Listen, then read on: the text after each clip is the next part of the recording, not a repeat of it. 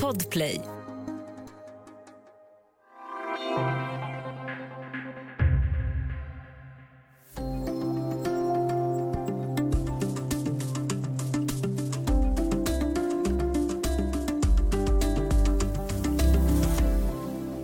För många som mår dåligt kan plånboken styra valet av psykologhjälp. Och numera så går det ju att få hjälp dygnet runt och det här har gjort att tiotusentals varje månad söker sig till en psykolog digitalt. I många fall är det enda mötet en chatt med en AI-robot, till och med för den som funderar på att ta sitt liv. Välkommen till Studio DN om den nya digitala psykologbranschen. Jag heter Ylke Holago.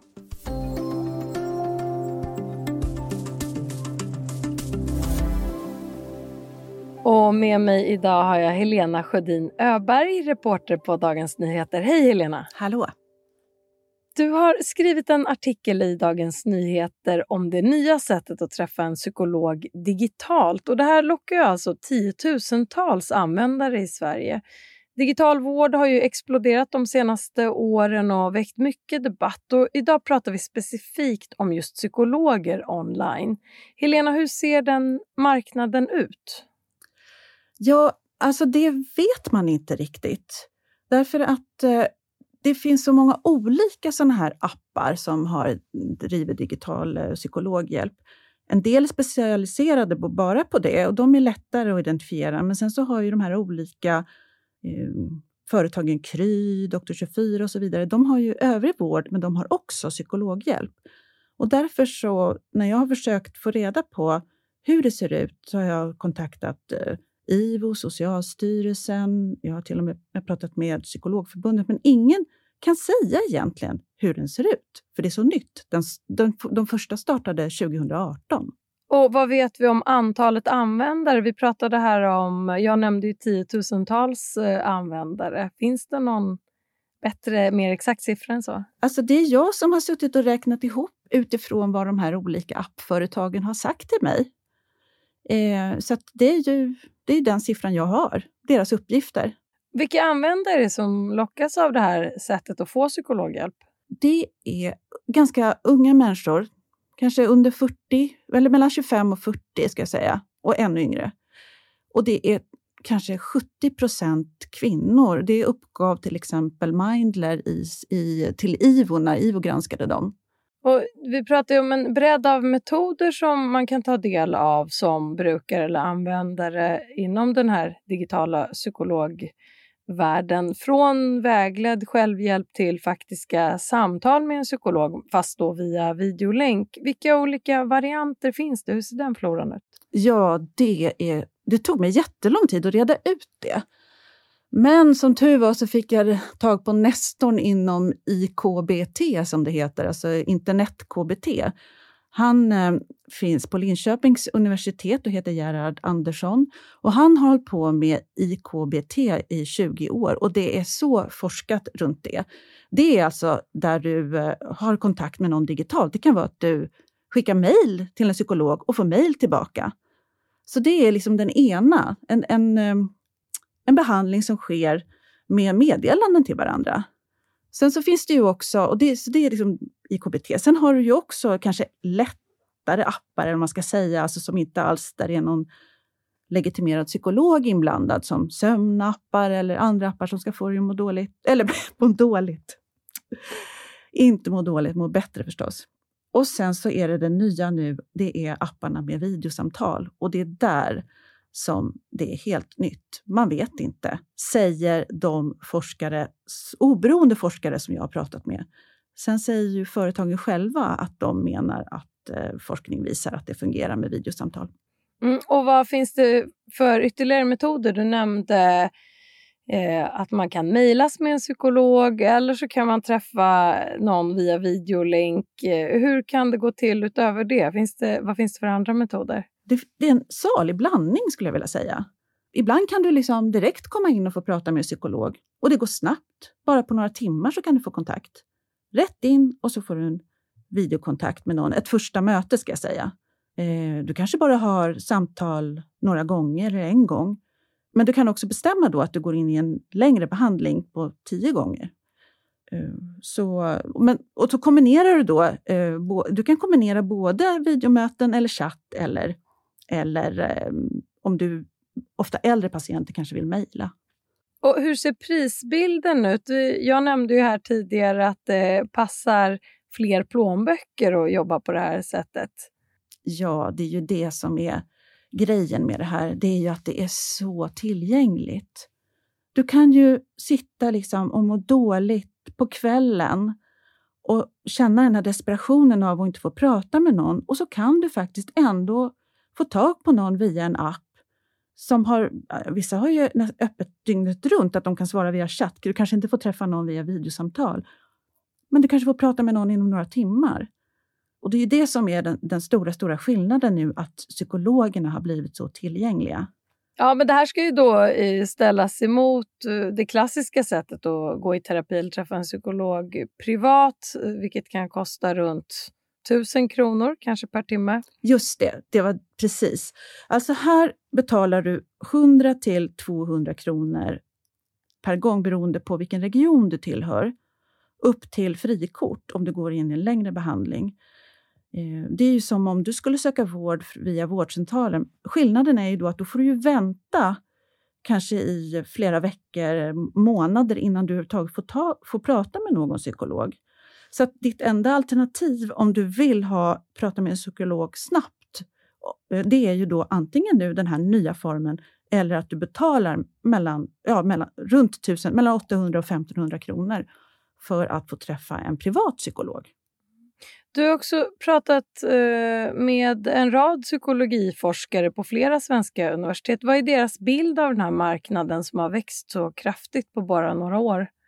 Eh, försiktigt positiv. De menar ju att internet via alltså digital psykologhjälp fungerar. Men de kan inte säga om de här korta videosamtalen hur de fungerar, för det är för nytt. Det, är, det är den liksom samlade bedömningen när jag har pratat med forskare på um, Stockholms universitet, Linköpings universitet och um, Lunds universitet. Och hur väl kan digitala psykologmöten ersätta fysiska träffar enligt de här forskarna? Vet de någonting om det? Alltså, det svåra är till exempel om du får prata med en chatt eh, så kan det ju vara svårt för chatten att liksom, se din mimik och känna av ditt stämningsläge. Eh, det är ju det ena, det är det här första mötet. Eh, sen skillnaden därefter, ja, jag återkommer till, man vet inte. När funkar det absolut inte med digital psykologhjälp? Alltså det är ju när, när man inte vill, när man inte klarar av det. Och när man är då, alltså det, du, du stänger ju ute en del av befolkningen också som eh, inte fixar det digitala. Och vilken särskild hänsyn behöver tas vid digital behandling eh, utifrån vilket tillstånd patienten eller brukaren befinner sig i? Ja, du. Jo, men det är en sak som jag eh, ska säga och understryka också, att alla de här apparna, de sysslar ju bara med primärvård. Alltså, är du, har du svåra psykiatriska problem, då ska ju varken de eller vårdcentralens psykologer eh, behandla dig, utan då ska du ju in i eh, psykiatrin och akutvården. Eh, så där, fungerar, där ska det ju inte finnas. Inte för de som mår riktigt dåligt? Alltså, alltså. inte för de som är eh, riktigt, riktigt svårt, eh, alltså psykoser eller ja, riktigt, som behöver in på psykakuten. Vi ska ta en kort paus och sen prata mer om digitaliserad psykologhjälp.